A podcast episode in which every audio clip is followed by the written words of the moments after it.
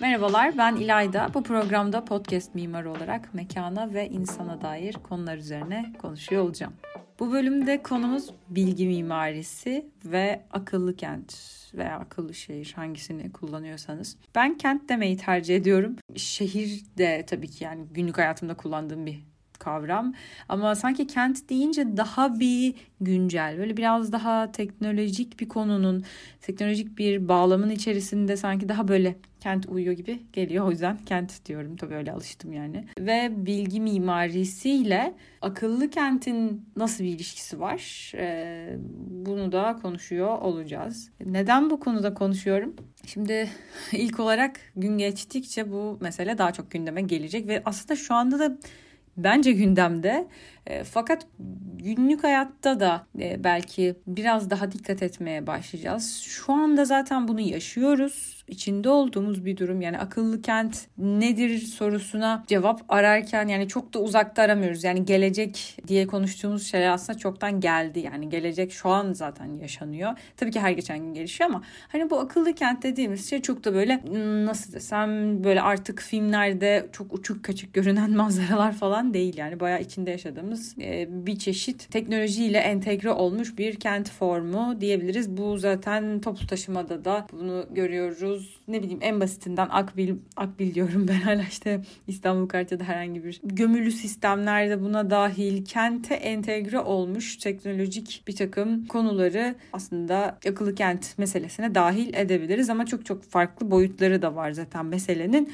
Onu da birazdan konuşuyor olacağız. Bir de özellikle bu içinde yaşadığımız bir şey e, olarak tarif ediyorum ya. Yani bunu şöyle söylemek istiyorum kavramlar meselelerin üzerine düşünmemizi sağlıyor. Biz içinde yaşarken farklı bakıyoruz ama ne zaman ki bunları tanımlamaya başladığımızda o zaman dışına çıkıp daha eleştirel bakabilir hale gelmeye başlıyoruz. Yani bu daha kolaylaşıyor. O yüzden de bu kavramları tanımlamak bence mühim. Yani şu ana kadar nasıl tartışılıyor ve biz nasıl bir bakış açısıyla bakabiliriz, neleri konuşmalıyız, daha fazla gündeme getirmeliyiz gibi gibi şeyler. Bir de tabii kendim için de yani bir sonraki bölümlerde de bu bölüme refer edeceğim gibi duruyor. Yani örneğin başka bir konuyu ele alırken de akıllı kent bölümünde de şunları konuşmuştuk. Hatırlarsınız gibi şeyler de söyleyeceğim muhtemelen. E, bu bölüm ileride yayınlayacağım başka bölümlere de altlık oluşturacak diyebiliriz. Kısacası önce akıllı kent ne demek bir ona bakalım. Bilgi mimarisi Yine de önce değinebilirim. O aslında daha kısa ama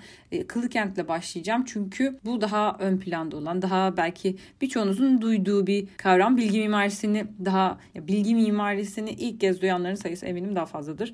Her neyse. Ondan sonra bilgi mimarisini konuşacağız ve bilgi mimarisi konusunda biraz eğildikten sonra akıllı kent meselesine bakınca belki yeni bir perspektifte geliştirebiliriz. Bunları da böyle bir şekilde ilişkilendirmeye çalışacağız. Şimdi akıllı kent kavramı şöyle diyebiliriz aslında bayağı kent kente dair çözüm yani bazı problemler oluyor elbette yaşadığımız kente ve bunlara dair çözüm sunan teknolojilerin üretilmesi, bir takım kentsel gelişim vizyonlarının ön plana çıkması diyebiliriz. Yani bu kavram aslında akıllı kent bir çeşit kentsel gelişim vizyonu diye ben özetleyeceğim şimdi. Yani hem teknolojiden faydalanılıyor akıllı kentten bahsediyorsak e, hem bundan tabii ki güvenli şekilde faydalanmak ön planda ve bu bir vizyon aslında bilgi iletişim teknolojilerinin desteğini kullanarak mevcut kaynaklar elimizdeki kaynaklar dahilinde de bizim yani kentte yaşayan insanların ihtiyaçlarını taleplerinin karşılanması e, bu konunun e, öne çıkması ve etkin olarak yani vatandaşların ihtiyaçlarının teknoloji aracılığıyla daha rahat daha iyi şekilde karşılanması bir akıllı kentin amacı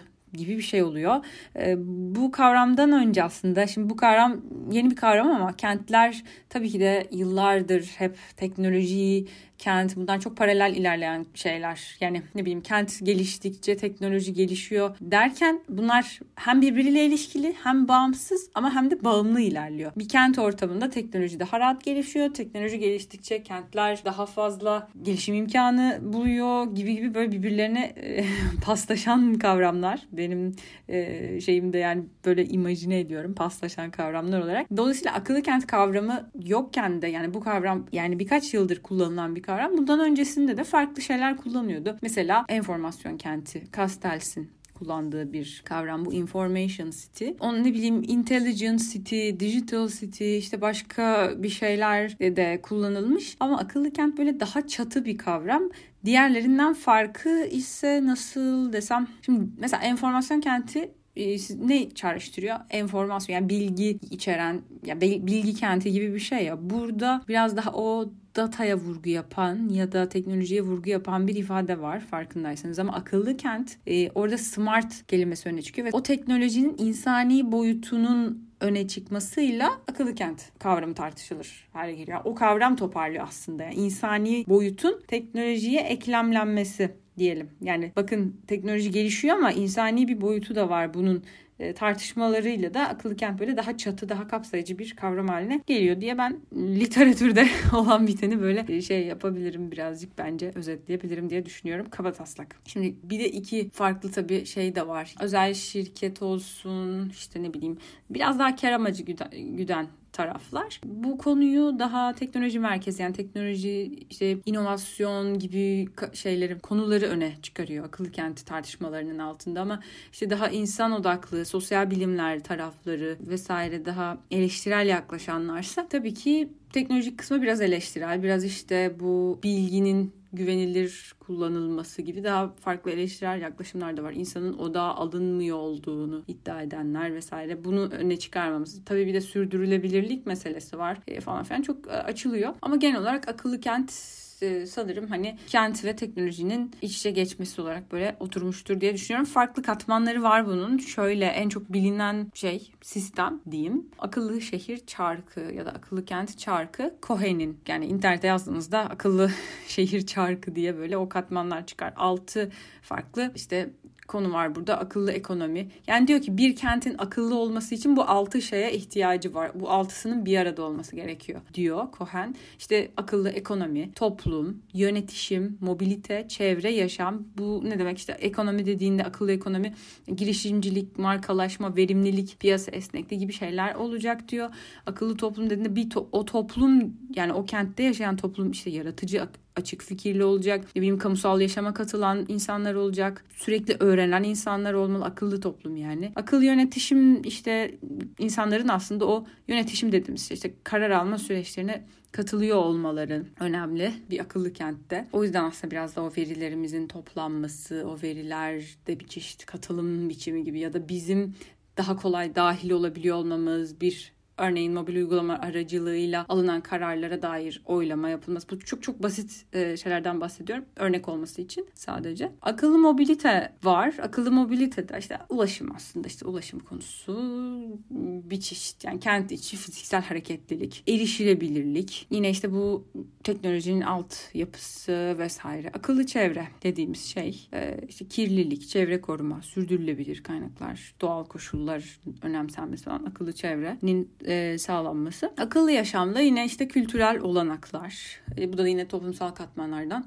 işte sağlık koşulları, konut kaliteleri, eğitim olanakları, turistik, sosyal e, faaliyetler, işte sosyal birliktelik, uyum gibi meseleler. Yani aslında bir şehri, bir kenti akıllı yapan e, bu altı katmanın da işliyor olması diyebiliriz. Yani böyle bence tarif edebilirim diye düşünüyorum. Şimdi az önce dediğim gibi kent meselesi teknolojiyle birlikte böyle çok paslaşan demiştim. Çok böyle e, birlikte hareket eden bir konu. Yani kent geliştikçe teknoloji gelişiyor. Teknoloji geliştikçe kent gelişiyor vesaire. Ve kent dediğimiz şey de aslında bir organizasyon yapısı. Yani kent içerisinde insanlar, işler, işte hareketlilik bunlar bir şekilde organize oluyor ve bu organizasyonun işlerliği kentin işlerliğini belirliyor. Trafikte buna dahil, insan e, hareketliliği de buna dahil, işler, e, birçok şey, sosyal, e, kültürel faaliyetler vesaire. Öncesinde de bunu yani teknolojiden bahsediyoruz ki teknolojiyle bu organizasyon yapısı değişiyor. Bunu şöyle açabilirim.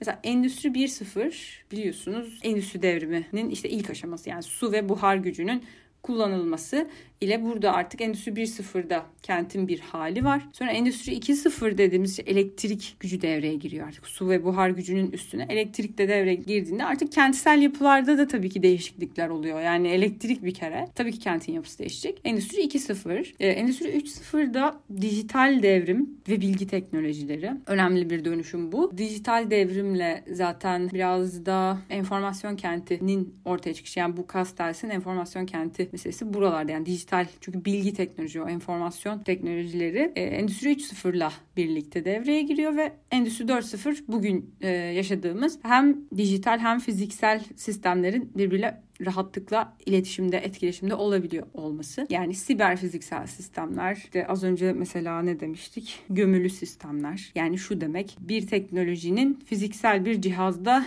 gömülü olarak bulunuyor olması. Yani dijital o ama sen fiziksel olarak onunla temas edebiliyorsun. E, bu da Endüstri 4.0 ile birlikte yani nesnelerin interneti diye de geçer. Şimdi bütün bunlar kentin organizasyon yapısını, kentin biçimini, görünüşünü, e, ne bileyim insanların etkileşimlerini vesaire her şeyi tabii ki etkiliyor çok doğal olarak. Şöyle düşünün yani dijital devrim dediğimiz şey web teknolojilerinin ortaya çıkması Endüstri 3.0'la web teknolojileri ve bu web'in de kendi içinde web 1.0, 2.0, 3.0 var, 4.0 var. Web 3.0 işte şimdi konuştuğumuz bu Metaverse vesaire web 3 sanıyorum. Evet bu blockchain ile birlikte web 3 konuşuluyor vesaire. Şimdi Oralara girmeyeceğim. Konumuz o değil çünkü ama belki ileride konuşuruz. Kent konusuna gelelim tekrardan. Şimdi kentsel mekanlar nasıl ki binalar, yollar, meydanlarsa görünür bir şeyden, fiziksel bir şeyden, aktüel bir şeyden bahsediyorsak elektronik mekanlar, kentsel elektronik mekanlarda bir ağ yapısı, bir şekilde o ağlar yani bilgisayar yazılımları ama kentin içinde entegre olan, görünmeyen bir şey bunlar. E, virtüel yani soyut sanal mekanlar ve tabii ki de fiziksel olmadığı için daha akış akışkan, daha serbest mekanlar olarak değerlendiriliyor. Yani bu dijital ortamda bir tür mekan tabii ki de biz nasıl ki bugün sosyal medya mecra diyorsak yani o, o, o da bir mekan aslında yani o da bir platform. Fiziksel platformlar var, dijital platformlar var, fiziksel mekanlar, dijital mekanlar. Bu kentsel mekanla aslında kentsel elektronik mekanda böyle ayırabiliriz. Şimdi kentte teknoloji biraz daha bence oturmuştur. Ben böyle umarım anlaşılır oluyordur yani böyle bahsediyorum heyecanlı heyecanlı ama e, benim biraz da böyle tez konum e, tezimin içinde geçen meselelerdi bunlar. O yüzden de belki şey e, tekrardan onlarla etkileşime yani bu konularla tekrar etkileşime geçmek de beni heyecanlandırıyor olabilir. Her neyse şimdi az önce ne dedik? Enformasyon kenti dedik. Castells e, bu kavramı ortaya atan daha böyle öne çıkaran kişi diyelim. Enformasyon kentinden bahsederken şunu söylüyor. Şimdi normal fiziksel uzam yani fiziksel mekan dedik işte binalar, yollar, meydanlar. E, şeyde ise dijital tarafta ise bir akışlar uzamından bahsediyor. Yani dijital taraf demeyelim ama o fiziksel mekanın ötesinde bir akışlar uzamından bahsediyor Castells. Ve bu akışlar uzamında üçe ayırmış şey diyor. Bir yönetsel tarafı var bunun diyor. Yani akışlar uzamında işte o teknolojiyi düşünün. Onun bir yönetsel tarafı var. Örgütlenmesi. Yani o teknoloji orada bilgi bir bilgi elde ediliyor. Sonuçta bunu birileri organize ediyor vesaire. Tamamen yönetimsel kısmı. Diğeri tek, elektronik bağlantılar. Yani altyapı işte kablo bağlantıları, direkler her neyse bu.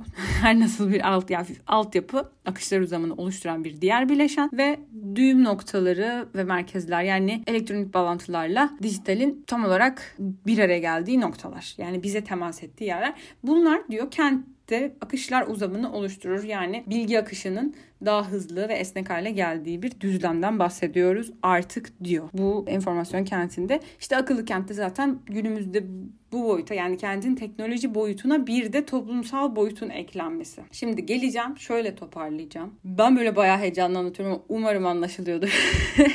Şimdi şöyle bilgi mimarisi nedir? Oraya geleceğim. Sonra bu tarafta bence biraz daha açıklanabilir hale gelecek. Yani neden bundan bahsettiğim de bence anlaşılır hale gelecek. Şimdi bilgi mimarisi şu demek. Bir bilginin kullanılabilir hale gelmesi aslında. Yani elimizde bir data var. Ne, olsun bu mesela data bilgi demek değil aslında bu arada. Data veri demek. Veri ve bilgi de farklı şeyler. Onu da anlatacağım. Ve bir veri var. Mesela ne olsun bu veri? Şu sokaktan şu saatte şu kadar insan geçiyor. Bu bir da- data, bu bir veri. Tamam, tamam bu kadar insan bu saatte buradan geçiyor ama bu benim ne işime yarayacak? Yani bunun bir anlamı yok şu anda değil mi? Şimdi bu işte enformasyon haline getirildiğinde bu veriye değer katılmış oluyor. Yani enformasyon verinin değer katılmış hali bir konu veya olayla ilgili kayıt altına alındığında veri belli bir amaca yönelik kategorize edilebilir hale geliyor. Ne oluyor böyle olunca? Hesaplanabiliyor. Hesaplanabilir hale geldiğinde de bu artık bir bilgiye dönüşebiliyor. Buna da knowledge diyoruz. Yani data birinci basamak veri. İkinci basamak information yani enformasyon. Sonraki basamak bunun artık hesaplanabilir hale geldikten sonra ne oluyor? Bu bir bilgiye dönüşüyor. İşte o zaman knowledge diyoruz ve e, enformasyonun aktarımından ve deneyiminden ediniliyor bu. Yani enformasyon elimizde biz bunu aktardığımızda birisine o bilgiyi vermiş oluyoruz. Aktarım ve deneyim haline geldiğinde, deneyimlenebilir hale geldiğinde bilgi oluyor. Sonrasında bunun da üst basamağı yani bilgiden sonra ne var derseniz tabii ki bilgelik var. Yani wisdom diyoruz. Tekrar hızlıca sayıyorum. İlk basamak data, ikinci basamak information, üçüncü basamak knowledge, dördüncü basamak wisdom. Veri, enformasyon, bilgi, bilgelik. Bu bilgi mimarisi piramidi diyebiliriz buna aslında. E, bu piramit şunu söylüyor yani datadan wisdom'a bir yolculuk var ve bu yolculuk için yapmamız gerekenler işte öncelikle veriye değer katmak, anlamlandırmak veriyi. Yani veri tek başına pek bir işe yaramıyor. Zaten bu arada elimizde çok fazla veri var. E, şu anda zaten kentler deli gibi yani çılgınlar gibi veri topluyor. Bu verileri tabii ki hesaplanabilir hale getirmeyen, işte kategorize etmeyen çok fazla kurum var. E, dolayısıyla da anlamsız bir şekilde veriler bulun, duruyor öyle. Tabii ki veri çok değerli. Bugün birçok insandan duyuyorsunuzdur yani veri çok değerli bu devirde vesaire. Ama o veri kullanılmıyor. Yani bu da bir tartışma konusu bu arada. Yani verinin kullanılması da mesela ne bileyim korkunç bir yere de gidebilir. Yani verilerimizi nasıl kullanıyorsunuz? Bugün Instagram işte bunu yaptığında üzerine belgesel çekiliyor ve işte Instagram bizi böyle kullanıyor gibi ya da işte Facebook neler oldu yani bir sürü şey döndü. Onlar çünkü veriyi, datayı anlamlandırıyorlar. Öyle bir sistem. Çünkü tabii ki de yani onlar şirket ve kentler bunu işte şu anda en azından bizim ülkemizde yani uygulanabilir değil. Ama bunlar yavaş yavaş olacak. Mesele zaten tam da burada başlıyor bence. Bunlar zaten olacak. Yani bir şekilde oraya doğru gidiyoruz. Madem olacak o zaman madem oluyor kaçınılmaz bunu düzgün yapmak, bu meselenin etiğinin tartışılması, bunun sahiden de wisdom yani sahiden bilgelik olarak işlenmesi, o veriye katılan değeri tartışılması gerekiyor. Çünkü bunlar e, oluyor. Yani bir teknolojiyi kullanıyorsanız bunun bir bedeli var. Mutlaka o teknolojiyi sunan tarafların diyelim. Aynen sunan insanların elinde oluyor verileriniz. Peki bunlar nasıl kullanılacak? Ve bunlar kullanılırken bana değer katıyor mu? Benim işte ne bileyim hayatımı kolaylaştırıyor mu? Ya işte burada da hala tartışma var. Yani benim hayatımı kolaylaştırıyor diye benim işte bilgilerime sahip olması ne kadar etik, ne kadar nasıl bir bilgiden bahsediyoruz gibi gibi bunlar açılabilir. Belki bu konuda bir bilmiyorum bu konuda bir konu kalmak nasıl olurdu ama her neyse ben böyle kendi kendime soru işaretlerimi de paylaşmış oluyorum. Sesli düşünüyorum bu arada şu an gerçekten de. Ee, şimdi bilgiden yani daha doğrusu datadan wisdom'a veriden bilgeliğe bir yolculuk e, olduğunu söylüyoruz. İşte akıllı kent tam da bu oluyor. Yani akıllı kentin teknoloji boyutu bizim datamızı toparlıyor. Sonra o teknolojide düzgün bir sistem kurduğumuzda o data enformasyona, enformasyonda aktarılabilir, deneyimlenebilir hale geldiğinde bilgiye yani knowledge'a ve nasıl denir daha etik tarafı tartışıldığında bir değerler, benzersizlik, etik, estetik koşullara uygunluk meselesi öne çıktığında da wisdom, bilgelik tartışılıyor. Bu akıllı kentin aslında nihai hmm, hedefi diyelim. Yani akıllı kent vizyonları Zaten bu değeri yaratmaya çalışıyorlar. Ama şu an o boyutta olduğumuzu ben düşünmüyorum. Bu boyutta kurgulanan sistemler var mı? Mutlaka vardır. Kullandığımız bir cihazın bizim verilerimize özel olarak benzersiz, unique bir takım deneyimler kurgulayabilir hale gelmesi çok değerli olabilir. Yani ben, bilmiyorum belki siz de duymuşsunuzdur. ne bileyim mesela şu an kentten biraz küçük ölçüye geleceğim. Mesela buzdolabınızda örneğin salatalık bitmiş ve siz sürekli salatalık tüke ya da peynir olsun ne bileyim peynir, yoğurt bitmiş ve bu bittiğinde buzdolabınız bunu anlasın ve siparişini otomatik veriyor olsun ya da telefonunuza bir bildirim göndersin siz isteğiniz dahilinde siparişi veriyor olun gibi gibi böyle şeyleri talep etmeye başlıyoruz artık. Şimdi burada kimse şey demiyor benim buzdolabında yoğurdum bittiğini verisi değerli. Yani tabii ki bu tartışılabilir dediğim gibi. Burada etik tartışmaya açık konular bunlar. Ve işte reklam dünyası, pazarlama dünyası oralara hiç girmiyorum. Ama bu kolaylaştırmayı da istiyoruz. Bunu ama istiyorsak da işte bu konuları daha çok bence konuşmamız gerekiyor. Bu konuların öne çıkması gerekiyor öncelikle. Düşünmemiz gerekiyor ve hani bunu e, burada dinleyen kişiler e, dinleyicilerin tamamının mimar olmadığını biliyorum. bana ulaşıyorsunuz. Mimarlar daha çok ulaşıyor bana ama mimar olmayan çok fazla dinleyicimiz var. E, dolayısıyla birçok alana bence birçok sektöre de değinen bir konu bu. Bilgi mimarisi ve bu e, elimizdeki dataların kullanımı vesaire. Ve bu kentlerde nasıl kullanılacağını aslında işte bizler belirleyeceğiz ve şu anda az önce de söylediğim gibi biraz bakınca belediyelerin bu dataları toplayıp toplayıp anlamlandırmadığını görüyoruz. Bu çok doğal çünkü bunu yapacak insan sayısı çok az. Kalifiye iş gücü biraz. Bu ayrı bir yetkinlik çünkü. Dolayısıyla bu açıdan da bakmak lazım. Kim yapacak bunu? Bunu birilerinin bu sistemi kurması gerekiyor. Yani Facebook bunu yapıyor çünkü hani orada ona özel bir arge var. Yani hani Facebook'la şeyi bir tutamayız. Ee, ya da işte Instagram'la. O yüzden bu başka bir konu ama bilmiyorum ya bunlar bunlar konuşulsun. Bence çok şey bu arada heyecan verici konular. Ve işte akıllı kent tam olarak bu bilgi mimarisindeki veriyi, bilgeliğe, yani datayı wisdom'a doğru dönüştürme yolculuğu amacı bu diye ben böyle toparlamak istiyorum. Ve tartışmalar da biraz bunun üzerine dönüyor literatürde. Az çok bu eksende diyebiliriz. İşte nasıl değer katar bu teknoloji insana, kente, sahiden teknoloji merkezli olmak yerine e, nasıl insan odaklı tasarımlar yaparız? İşte teknoloji merkezli olmak biraz daha işte kar odaklılık niye de şey yapabiliriz? Kar yani insan önemli değil önemli olan bizim kar etmemiz. Bir bakış böyle bir bakış açısı var ya yani işte bunun geride kalıp tabii ki sürdürülebilirliğin de insanın da yani zaten bu ikisi çok ayrı şeyler değil yani. Sonuçta dünya bir şekilde işte ekolojik denge vesaire bu gibi meselelere de duyarlı hale gelen sistemlere ihtiyacımız var. Ve bunu kurgulayacak olan insanlar da aslında bu nesil yani. Başka yok yani bunu kimse bize böyle koymayacak yani bir, birileri bunu yapacak. Bunların tartışılıyor olması gerek ki içine böyle düşmeyelim kontrolsüz bir biçimde. Dolayısıyla değer katma meselesi bizi wisdom basamağına getiriyor ve şu da bence mesele yani burada ipin ucu da kaçtığında e, birçok insan birçok birçok kişi de yani bunu dinleyen birçok kişi de bence düşünüyordur. Bir yerde distopik senaryolar da geliyor insanın aklına. Bir şeyler ilerledikçe bence bir Black Mirror'da yaşamaya başlıyoruz aslında bir yerde.